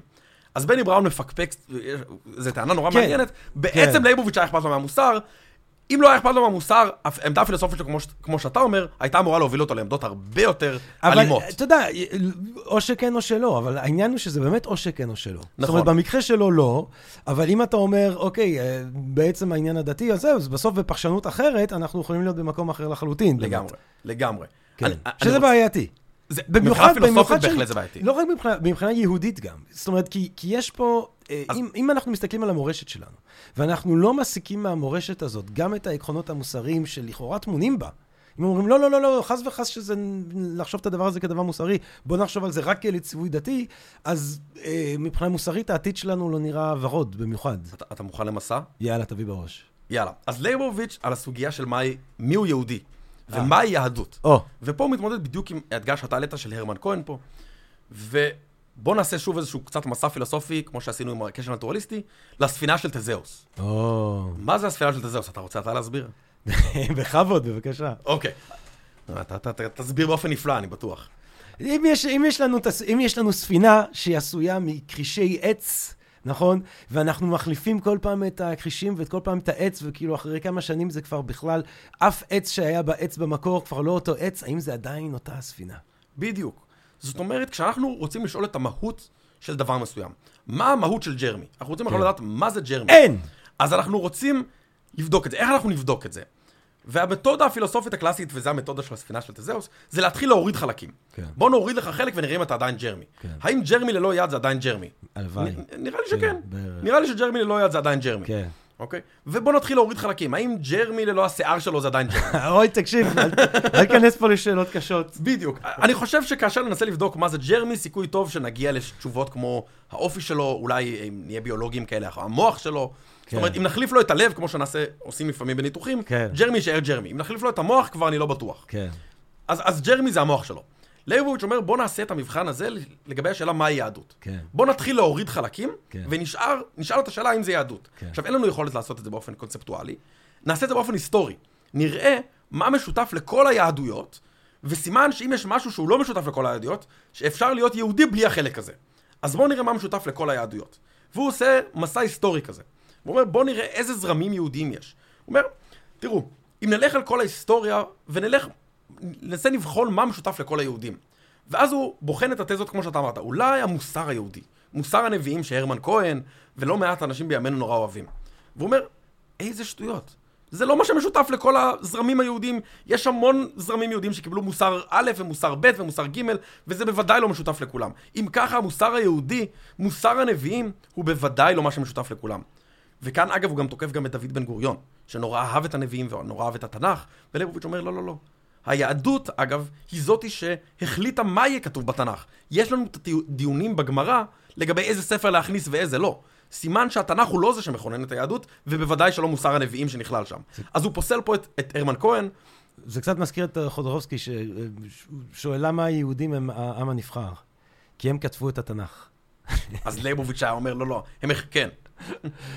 זאת אומרת, כן. אוקיי, אז אנחנו, אז אנחנו, אוקיי, אז אנחנו מתנגדים, כן. אוקיי, אז פסלנו את התשובה של הרמן כהן. כן. אולי מה שמשותף לכל היהודים זה המיסטיקה. ופה הוא נכנס בגרשום שולם, שהם היו אה, קרובים במידה מסוימת, כן. והוא אומר, גרשום שולם, חוקר גדול, חקר את הקבלה. יש לו איזה ציטוט מפורסם שזה לא קשור, אבל זה סתם משעשע להזכיר, שהוא אמר, מה, זה, מה גרשום שולם חקר? את, הוא גדול חוקרי הקבלה. ומה זה קבלה אם לא שטויות? אם כך, גרשום שולם הוא גדול חוקרי השטויות שידע העם היהודי. בכל אופן. בום. בכל אופן, ליבוביץ' אמר, גרשום שולם הראה שהקבלה היא בקרב זרמים מסוימים. יש זרמים שלא קיבלו את הקבלה. יש זרמים שלא הכירו את הקבלה. יש זרמים, זאת אומרת, יש יהדות לפני הקבלה. יש... בקיצור, התפיסה המיסטית הזאת לא נמצאת בלב היהדות. יש זרמים יהודים לא, בלי קבלה. אולי מה שנמצא בלב היהדות זה האמונה בבורא עולם. זה נשמע כמו הכי בסיסי. ואז הוא אומר, אבל כשהרמב"ם כותב אלוהים, וכשהרמב"ן, בנון, כותב אלוהים, הם לא אומרים את, הם לא כן. מתכוונים לאותו אלוהים. כן. ואם נלך גם יותר רחוק לרבי נחמן ולארי הקדוש, בוודאי לא נדבר על אותו אלוהים. סימן שגם האמונה באלוהים לא משותפת לכל היהודים. אם כך, מה משותף לכל היהודים? מצוות מעשיות. מה שמשותף לכל היהודים בכל ההיסטוריה זה מצוות מעשיות. איך אנחנו אפילו רואים ראייה יותר חזקה לכך? משתי תנועות שראו את עצמם כתנועות יהודיות, אבל זנחו את המצוות, ובכך גם זנחו את היהדות. והם הנצרות, שראתה את עצמה בתחילת דרכה כתנועה יהודית, והשבתאות. ליבוביץ' אומר, אלו שתי תנועות שהן יהודיות מבחינתן, אבל מבחינת מבחן ההיסטוריה, הם הפסיקו להיות יהודיות. ופה ליבוביץ' תוקף באופן חזיתי את החילונים. זה, שוב, לא, לא אוהבים להזכיר את זה, כי קצת לא נעים, והרבה מחסידיו של ליבוביץ' הם חילונים, אבל ליבוביץ' אומר, מבחינתי, החילונים ניזונים, וזה ציטוט שלו, מהשיריים של ההיסטוריה. מבחינתי הם יהודים רק בגלל שיש להם איזשהו משהו גזעי כזה. אימא שלהם יהודייה, או שהמדינה היהודית דואגת שהם לא יתבוללו. כן. אבל הם לא יהודים, הם, אין להם את מה שמשותף לכל היהודים לאורך כל ההיסטוריה. אני, אני רוצה להגיד על זה באמת, א', אני אוהב, זה תמיד מרגש כשאדם מעז ללכת עם רעיונותיו לאן שהם מובילים, כן? וזה ליבוביץ' אפשר, שוב, אפשר להסכים, אפשר לא להסכים, אבל הבן אדם הלך עם הרעיונות. אז קודם כל, באמת, יש, יש את העניין הזה של אה, להתמקד בהלכה. כהיסוד המהותני. אבל זאת אומרת, הוא טוען את זה כטענה אמפירית. אמפירית. זאת אומרת, אני רוצה אפילו לצטט. זוהי עובדה היסטורית אמפירית שאינה תלויה בשום אידיאולוגיה, בשום אמונה ובשום דעה מוקדמת על מהות היהדות. העובדה כן. שהיהדות כתופעה היסטורית ספציפית ובעלת זהות ורציפות של שלושת אלפים שנה לא התגלמה אלא בדבר אחד, במצוות מעשיות. ופה הוא, הוא כמובן מהדהד את הפילוסוף היהודי, אה, משה מנדלסון, שבירושלים בעצם אומר שהיהדות היא לא אה, אה, דת נגלית. במקרה אני נמצא עכשיו עם גדול חוקרי מנדלסון, שנמצא איתי בחדר פה. הגדול, ש, הגדול שבסמסונג נקסט תל אביב כרגע היום. או השני הגדול בסמסונג תל אביב. הדת היהודית... במנדלסון אתה בטוח.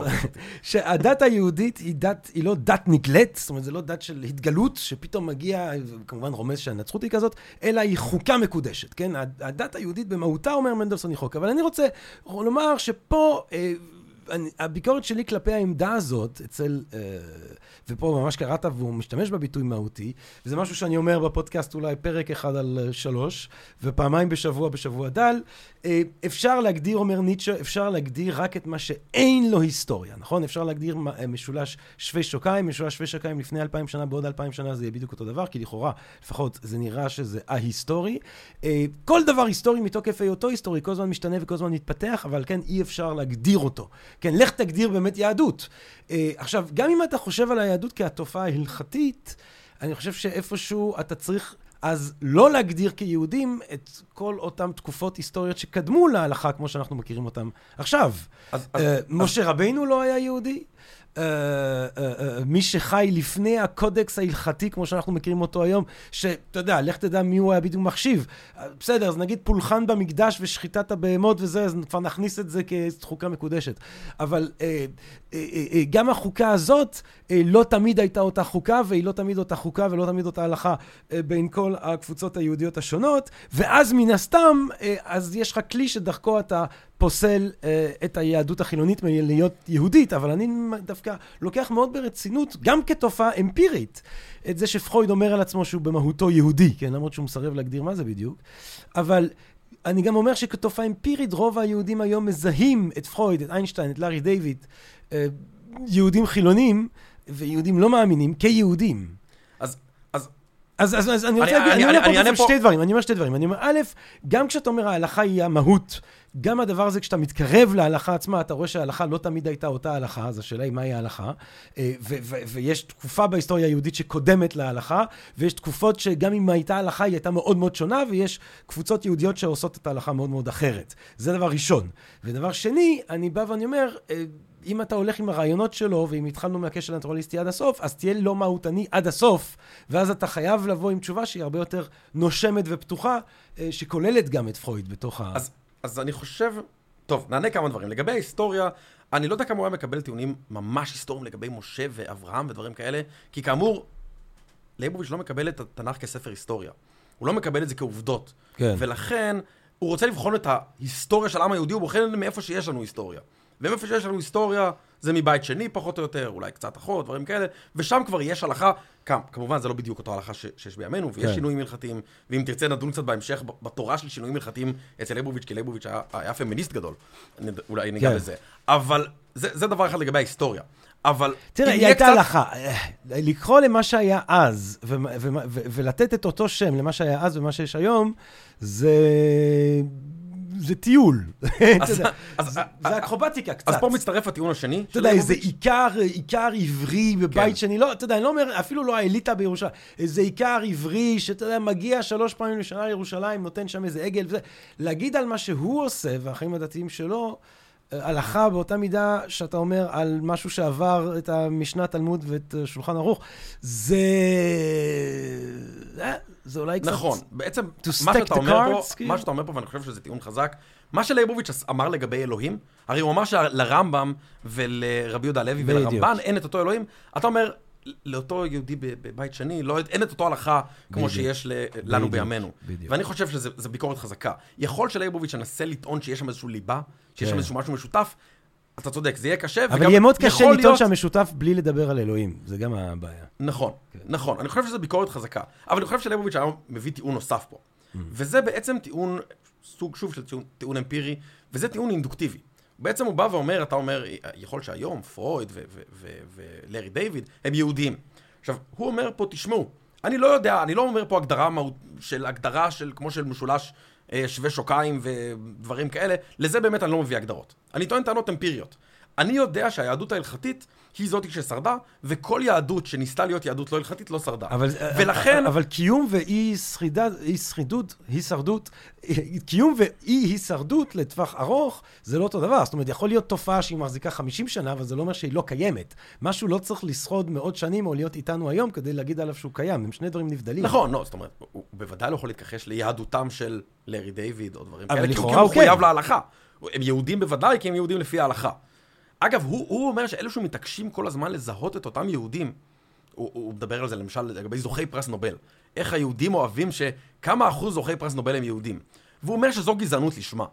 זאת אומרת, מה אכפת לך מזה שהוא יהודי? זה משנה לך משהו? כן. מה, אכפת לא, לך מזה ברור, שאימא ברור שלו... שזה גזעני, אבל אני מביא את זה, אני מביא את זה כהוכחה אמפירית. זאת אומרת, אם אנחנו נחשוב ממש לחלוטין אמפירית, ולא ניתן ללייבוביץ' להציע לנו, לנו הגדרה על מה שרצוי להיות יהודי, אבל ננסה להיות במצוי, אה, במצוי, ואם ננסה עם משהו שהוא מאוד rough, ואני יודע שאתה פילוסופיה של השפה ואתה אוהב לדייק, אבל אם אנחנו נהיה בתוך הקרבה המשפחתית, ונגיד שמה שרוב האנשים שמזהים את עצמם כיהודים, מזהים כיהודים, זאת אומרת, רוב הילדים שמזהים את עצמם כיהודים, יזהו כיהודים, אנשים כמו איינשטיין, שהאמונה שלו באלוהים, נגיד, צורך העניין, היא שפינוזיסטית, ואנשים כמו פרויד, שלכאורה הוא מאוד מטריאליסטי ולא מאמין בכלום, אה, אנחנו עדיין נזהה אותם כיהודים, אז את- מבחינת את- המצוי, הם יהודים אולי. מבחינת המצוי הם יהודים, אבל כמו שהוא אומר, זה, זה, זה מצוי דל, ואני אני, אני, אני משתמש במילים שלו. כן. אני לא אומר שאני. חותם על כל מה שאני אומר עכשיו.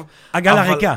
זה לא המילים שלו מן הסתם. לא, זה לא כן. המילים שלו, עגלה ריקה, אבל משהו בעצם... אבל הוא מהדהד פה את החזון איש קצת. בהחלט כן, הוא רואה את כן. החילונים, כי כמו שאמרתי, שאריות של השריים של ההיסטוריה.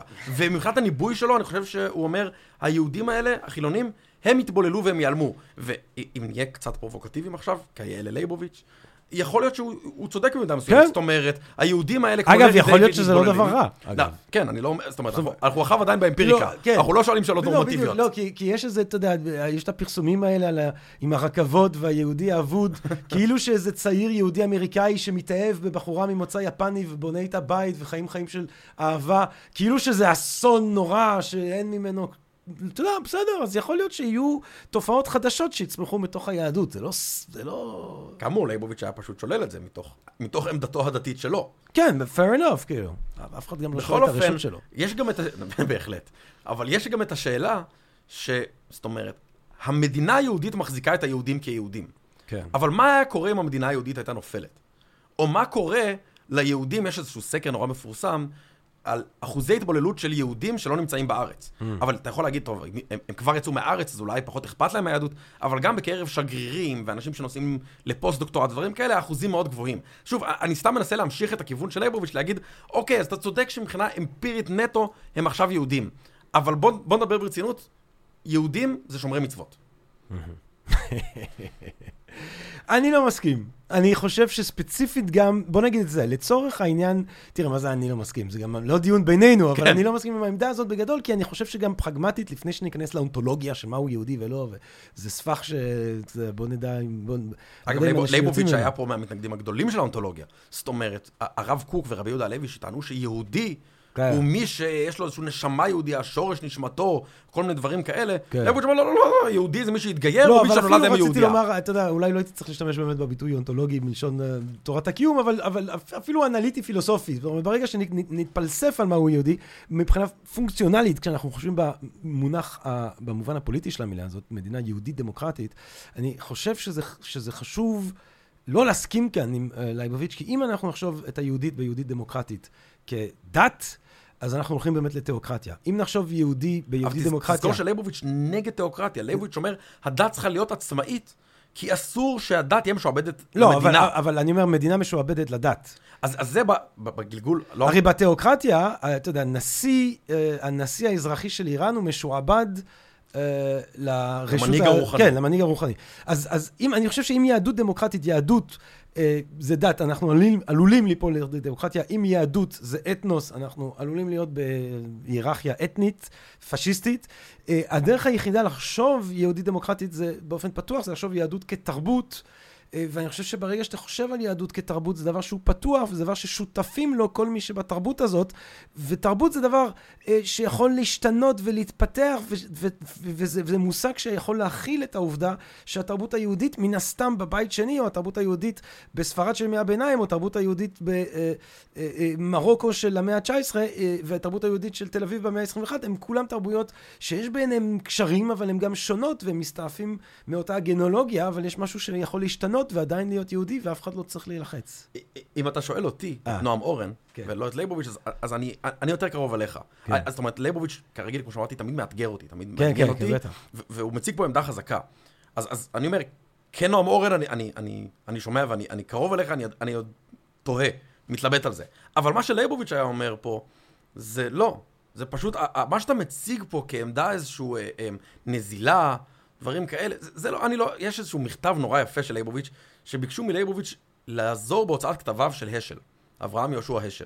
והשל, למרות שהוא במידה מסוימת היה אורתודוקס, יש מחלוקת על זה, הוא היה אה, מנהיג, בין המנהיג- מנהיגים של התנועה הקונסרבטיבית, והיה אה, חבר אהוב על ידי התנועה הרפורמית, כן. וכששואלים את. ומרטין לותר קינג, ונאבק כחלק מכל ה... בהחלט, אחד- כן. אחד ההוגים היהוד- היהודים המרתקים של כן. המאה ה-20, כן. ולייבוביץ', שואלים אותו האם הוא מוכן להיות, אה, לתמוך בפרויקט של תרגום ספריו לעברית. והוא אומר, אני לא מוכן לתרום, אני לא רוצה להגיד את המילים המדויקות, אני לא זוכר, אבל משהו כמו ליהדות הרכרוכית, האנתרופוצנטרית הזאת, האמריקאית הזאת, יש פה משהו שהיא לא מצוות מעשיות, זה לא עובד, אנחנו יודעים את זה מההיסטוריה, יש פה משהו רכרוכי, זה לא זה, לא זה והוא, והוא, והוא מושך את ידיו מהסיפור הזה. אז שוב, כנועם אני עונה תשובה אחת, אבל כלייבוביץ' הוא היה, מעניין. הוא היה הולך עד הסוף. בוא באמת אה, אה, נסיים עם, ה, עם, עם כמה מחשבות על אה, דת ומדינה. כי באמת, הוא מתנה... אם אנחנו נבין כתיאוקרטיה את הכפפת המדינה... לא הזכרנו פה בכלל את יודו-נאצים והדיסקוט... יודו-נאצים. יודו-נאצים ודיסקוטל. יאללה, בוא נגיד- לא, יכול ש- יכול שכבר אמרנו את זה וזהו, אנחנו יכולים להמשיך הלאה. זהו, זה כמו מצע, כאילו, מי שלא אמר יהודה, מי, ש... מי שעשה פודקאסט על לייבוביץ' ולא אמר יהודה נאצי, לא ידע מדי חובה, אז אמרנו יהודה נאצי, יהודה נא, בטח. טוב, תראה, זה גם יכולת אה, תקשורתית מאוד גדולה שהייתה כן, לו, כן, הוא היה- תיאטרלית. הוא היה פרובוקטור במובן הטוב ביותר של המילה. כן, כן, הוא כן. הוא במובן גם יד- הסוקרטי, אפשר הוא להגיד. גם ידע לעשות פרובוקציות, כן. והוא גם עמד משהו עמוק מאחורי הפרובוקציות. זה לא היה פרובוקציות לשם הפרובוקציה. נכון. זה היה מעורר, ו- ו- והפרובוקציות שלו... לא שיש לנו בעיה בהכרח עם פרובוקציה בהחלט, לשם ממש הפרובוקציה, לא, כאילו. ממש לא. דיוגנוס אה, מסינוטו, בוא. גבירותיי ורבותיי, חבר שלנו כאן בפודקאסט. אה, לא, אה, בוא נחשוב על דת ומדינה רגע, כי אמרנו בעצם שמבחינתו, מן הסתם, אה, אה, הסיבה לזה שהוא סלד מה... הצד הדתי אה, שיש כחלק מהרשות האזרחית בישראל, אם זה הרבנות הראשית, אם זה דברים כאלה, אה, זה כי הוא ראה בזה הכפפה של הדת אה, למדינה. אבל לפי העמדה המוסרית שלו, כפי שאתה אפיינת אותו, הבסיסית, או אפילו הקיומית אפילו, הייתי אומר, אם נחשוב על רובדים קיומיים, מה שקירקגרד חשב עליו, כן, האסתטי, האתי, הדתי, הדתי, כן, הרובד הדתי, שזה מוקד הלב העולם הערכי של לייבוביץ', למה לא להכפיף אה, מדינה לדת? אז פה אתה נוגע בדיוק לנקודה, שלא רציתי לגעת בה, אבל אני אגע בה עכשיו, של לייבוביץ' המוקדם ולייבוביץ' המאוחר. לייבוביץ' המוקדם כתב מאמרים, ויש אותם היום בדפוס, אפשר להשיג אותם, בעד מדינת הלכה. והוא כותב את זה במפורש, הוא רוצה מדינת תורה, שהחוק יהיה ההלכה, והוא רוצה תיאוקרטיה איראנית. אוקיי? רק לא איראנית, אלא יהודית. כן. והוא חוזר בו. ושאלה מעניינת למה הוא חוזר בו. Mm. כאשר שואלים את זה את לייבוביץ' עצמו, א', הרבה פעמים הוא מנסה להגיד שהוא לא חזר בו וכל מיני דברים כאלה, הטענה שלו היא, אני רואה שאין לכך היתכנות. זאת אומרת, אין לכך היתכנות, אני רואה שהיהודים לא רוצים בזה. אם ככה אני מעדיף דמוקרטיה. זאת אומרת, באיזשהו עולם אידיאלי שכולם היו יהודים טובים, הייתי רוצה תיאוקרטיה. היום, second best, דמוקרטיה. זה מה שלייבוביץ' המאוחר אומר לגבי לייבוביץ' המוקדם. זאת אומרת, אני רציתי מדינת הלכה, זאת אומרת, הוא לא חוזר. בו לחלוטין. נכון, יש כן. איזשהו מובן שבו הוא אומר, אם כולנו היינו יהודים הלכתיים, הייתי רוצה את זה. מעניין. אבל, אז, אז כן, יש איזשהו שורשים גם בלייבוביץ' המאוחר, שבעצם מקבלים מדינת הלכה, כאשר, שוב, צריך להדגיש את זה, לא הדת היא בשירות המדינה, אלא המדינה היא בשירות הדת. ופה אי אפשר שלא קצת להזכיר את הציטוט של לייבוביץ' שתמיד אהב להזכיר, של אה, אה, בן גוריון. בן גוריון ביקש מלייבוביץ' להיות חבר במפלגת העבודה. ולייבוביץ' הסכים. אבל הוא אמר, אני רוצה שאתה תחתום על הפרדת דת ומדינה. ומה, ומה לייבוביץ' אומר שבן גוריון ענה לו? אני רוצה שלא תהיה הפרדת דת ומדינה, כי אני רוצה שאני אאחז את הדת בידה, בידה של המדינה. כן. שהמדינה תחזיק את, את הדת. שתחזיק אותה יפה. בדיוק. כן. אני רוצה שיהיה לי רבנים ראשיים שיהיו כפופים לי. כן. אני רוצה שהדת תהיה כפופה לי. ו- ואז לייבוביץ' לא מצטרף למפלגת העבודה ולא מוכן להיכנס לחיים הפוליטיים. מעניין. ת- ת- אה, אה, לפני שאנחנו מסיימים, תגיד מילה על הפמיניזם שלו. אוקיי, אז... אז או הפמיניזם הדתי, או היחסי, אתה יודע. אני חושב שאפילו לא יחסית. זאת אומרת, כן. לייבוביץ' לפי דעתי היה פמיניסט גדול. אהה. לייבוביץ' טען, בהקשר ההלכתי, כאמור, אם אתה, נראה שאם אתה מאמץ את התפיסה שלו, אתה מאמץ שוביניזם הלכתי. הרי ההלכה היא מאוד שוביניסטית, זה, כן. זה נראה לי, קשה, קשה להת, להתווכח על זה, ואם אם אתה מאמץ את, ה, את הקפדנות ההלכתית שלו, אתה צריך לא לתת לאנשים לעלות לתורה, ולא להגיד להם דבר תורה, ולהתלבש בצורה מסוימת וכל מיני דברים כאלה. איך לייבוביץ' מתחמק מהסבך הזה? ויש לו התחמקות פילוסופית מדהימה בעיניי. מה שהוא אומר, הוא אומר, כל פעם שכתוב אישה בהלכה לא מדובר בנשים. הרי כתוב לנו באישה, על האישה כל מיני דברים. כתוב לנו שנשים דעתן קלה. אנחנו יודעים שזה שקרי. ולהלכה, היא, היא, לא, היא, היא לא, אין לה כוח אמפירי. כאמור, הקשר אלטורליסטי. ההל- ההלכה לא יכולה להגיד דברים על אודות העולם. אם היא טוענת שנשים דעתן קלה, אז היא פשוט מדברת על מי שדעתו קלה. ולכן כל ההלכות שנוגעות לנשים, הן הלכות שנוגעות למי שדעתו קלה. ואם כתוב, כתוב שאישה לא עולה לתורה מפני כבוד הציבור, כן. אז זה בגלל שהם חשבו שזה שאישה עולה לתורה פוגע בכבוד הציבור. אבל זה שקרי. כן. והיום אם אישה עולה לתורה, זה לא פוגע בכבוד הציבור. ולכן ליבוביץ' טוען שההלכה צריכה לעשות חקיקה מחדש. פה ליבוביץ' נהיה כמעט רפורמי. או לפחות קונסרבטיבי. יש על זה אגב ויכוח נפלא בינו לבין תמר רוס, אחת מההוגות הפמיניסטיות הדתיות, ביוטיוב, רוצו לראות. ויכוח מדהים בין השתיים. לייבוביץ' טוען שצריך להיות מהפכה דתית וחקיקה הלכתית חדשה לגבי נשים, כי כל החקיקה שיש היום לגבי נשים היא בעצם לא רלוונטית. אין חוק נשי בהלכה, כי נשים בהלכה אינן נשים.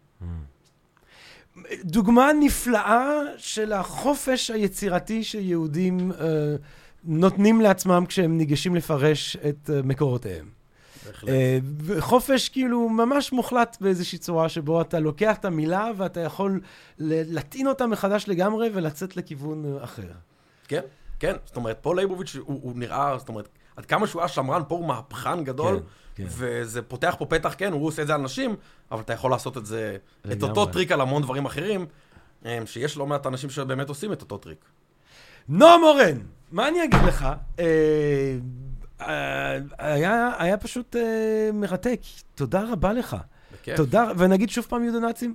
אתה רוצה להגיד, אתה רוצה להגיד, אתה רוצה לזרוק על זה איזה, זה מרגיע, אני מרגיש, אני מרגיש שאני אאכזב אותך אם לא זה. אתה רוצה לא, לא, לזרוק לא. איזה משהו על היודונאצים? זה- זה לא כזאת אפיזודה חשובה אצלו, זאת אומרת, זה כן. חשובה בציבוריות הישראלית. הוא- שוב, הוא כינה זה את זה קופירייט, זה קופירייט חזק. זה קופירייט כן, חזק, וזה באמת קומם עליו המון אנשים, ואולי אגב קומם עליו יותר מדי אנשים, אולי זה באמת, אני מכיר אישית לא מעט אנשים שהיו מתלמידיו או מחסידיו במידה מסוימת, כן. וזנחו אותו בגלל זה, כן. אבל אה, אה, צריך אגב רק לדייק שהוא לא אמר יודו-נאצים על היהודים או על המדינה היהודית, הוא רק אמר, שיש. מדגיש, ישנם אנשים כן. בעלי מנטליות יודו-נאצית. כן. אמ, ואם נרכך קצת את המילים, אני חושב שקשה להגיד שזה לא נכון. זאת אומרת, יש אנשים בוא שיש... נגיד את זה במובן הזה שאם אנחנו מסתכלים גם על מדינות שהן היו מדינות עוינות לנאציזם בצורה מובהקת, אה, פולין, רוסיה, ארצות הברית, זאת אומרת, האויבים של הנאצים, יש שם קבוצות שמוגדרות כקבוצות ניאו-נאציות. אה, עכשיו, אם, אם יש ניאו-נאצים אה, פולנים, רוסים, אמריקאים, אה, והם היו, והרוסים היו חתיכת, בוא נגיד, הרוסים חטפו מהנאצים מספרית לא פחות מאיתנו, אה, אה, תראה, לא באחוזים של עם ולא בצורה אופן וזה, אבל הרבה, בוא נגיד, רוסיה ונאצים זה לא בדיוק חברים מאוד גדולים. אז אולי יש גם במציאות העברית אנשים שהעמדות שלהם משקפות יותר מכל את ההיגיון הניאו-נאצי. שוב, אני, אני, אני לא בטוח שהייתי משתמש במילים האלה, אבל עמדות גזעניות, כן. גזעיות עם, עם תורת גזע, אוף. שקשורה גם למדינה, בהחלט יש, ופה ליבוביץ' עלה על נקודה נכונה, ושיווק אותה בצורה כן. מאוד חזקה, אולי כן. חזקה מדי. יש כמה, יש ה- היודונאצים, ה- הדיסקו, דיסכותל, דיסכותל. אה, הדיסכותל ומשיח יבוא. זה- יש לו לא מעט, כן. באמת, הוא היה יכול להיות קופירייטר מעולה. כן. אבל הוא הלך למדע ופילוסופיה. אבל זה, יש כוח גם, יש כוח תיאטרלי שהוא, שהוא חלק מהתפקיד שלו, אם אנחנו חוזרים לסוקרטס או דיוגנס. אם, אם נגיד מילה על הפרובוקציה, כן. בוא נדבר קצת על בשבח הפרובוקציה. כן. אם נדבר על ליבוביץ', הרבה פעמים אוהבים להגיד שפרובוקציה זה דבר מסוכן ובעייתי, ו- וזה נכון. אבל זה שליבוביץ', כמו שפתחת, הוא הפילוסוף הישראלי המוכר ביותר, כן. ואולי גם המשפיע ביותר. כן. אני לא יודע, אולי הוא... זו שאלה טובה. אבל הפרובוקציות שלו עבדו. כן. זה, זה לא שאלה, הוא מילא אולמות, כן. כל משפט שלו היה ב- בעיתונים ובחדשות, והזמינו אותו לראיון בכל מקום אפשרי. כן. אז אה, אה, ליבוביץ' אולי לימד אותנו שכדי, אם אתה רוצה להשפיע, יש מקום לפרובוקציות. זאת מעניין. אומרת, זה לא, זה לא כל כך דבר בזוי. אה, שוב, יכול להיות שיש מחירים שאתה לא רוצה לשלם, ויש פרובוקציות לא ראויות, כי הן יותר מדי יאללה, פוגעניות. בוא נסיים את הפרק הזה עם איזה רצף של קללות בלתי נשלט כדי להגיע לכמה יאללה, לך על. זה, אני לא אמנע אותך, אני לא אמנע אותך. נועם אורן, אה, תודה רבה רבה לך, כיף גדול. אה, בואו, ובואו תשמעו את נועם על אה, אה, פילוסופיה של הדת אצלנו בקורס אה, לפילוסופיה ב-Think and Ring Different. מה אני אגיד לכם? תודה רבה לך נועם. אה, אני רוצה לך. גם אה, להודות לכם, לקהל הקדוש שלנו, מקווה מאוד שנהנתם מהפרק הזה, מהפחקים שכבר הקלטנו, מאלה שבעזרת השם נמשיך ונקליט. מה אני אגיד לכם? כל טוב, רק בריאות, רק שמחה וששון, אהבה רבה, ונשתמע. פודקאסט, פודקאסט, Podcast.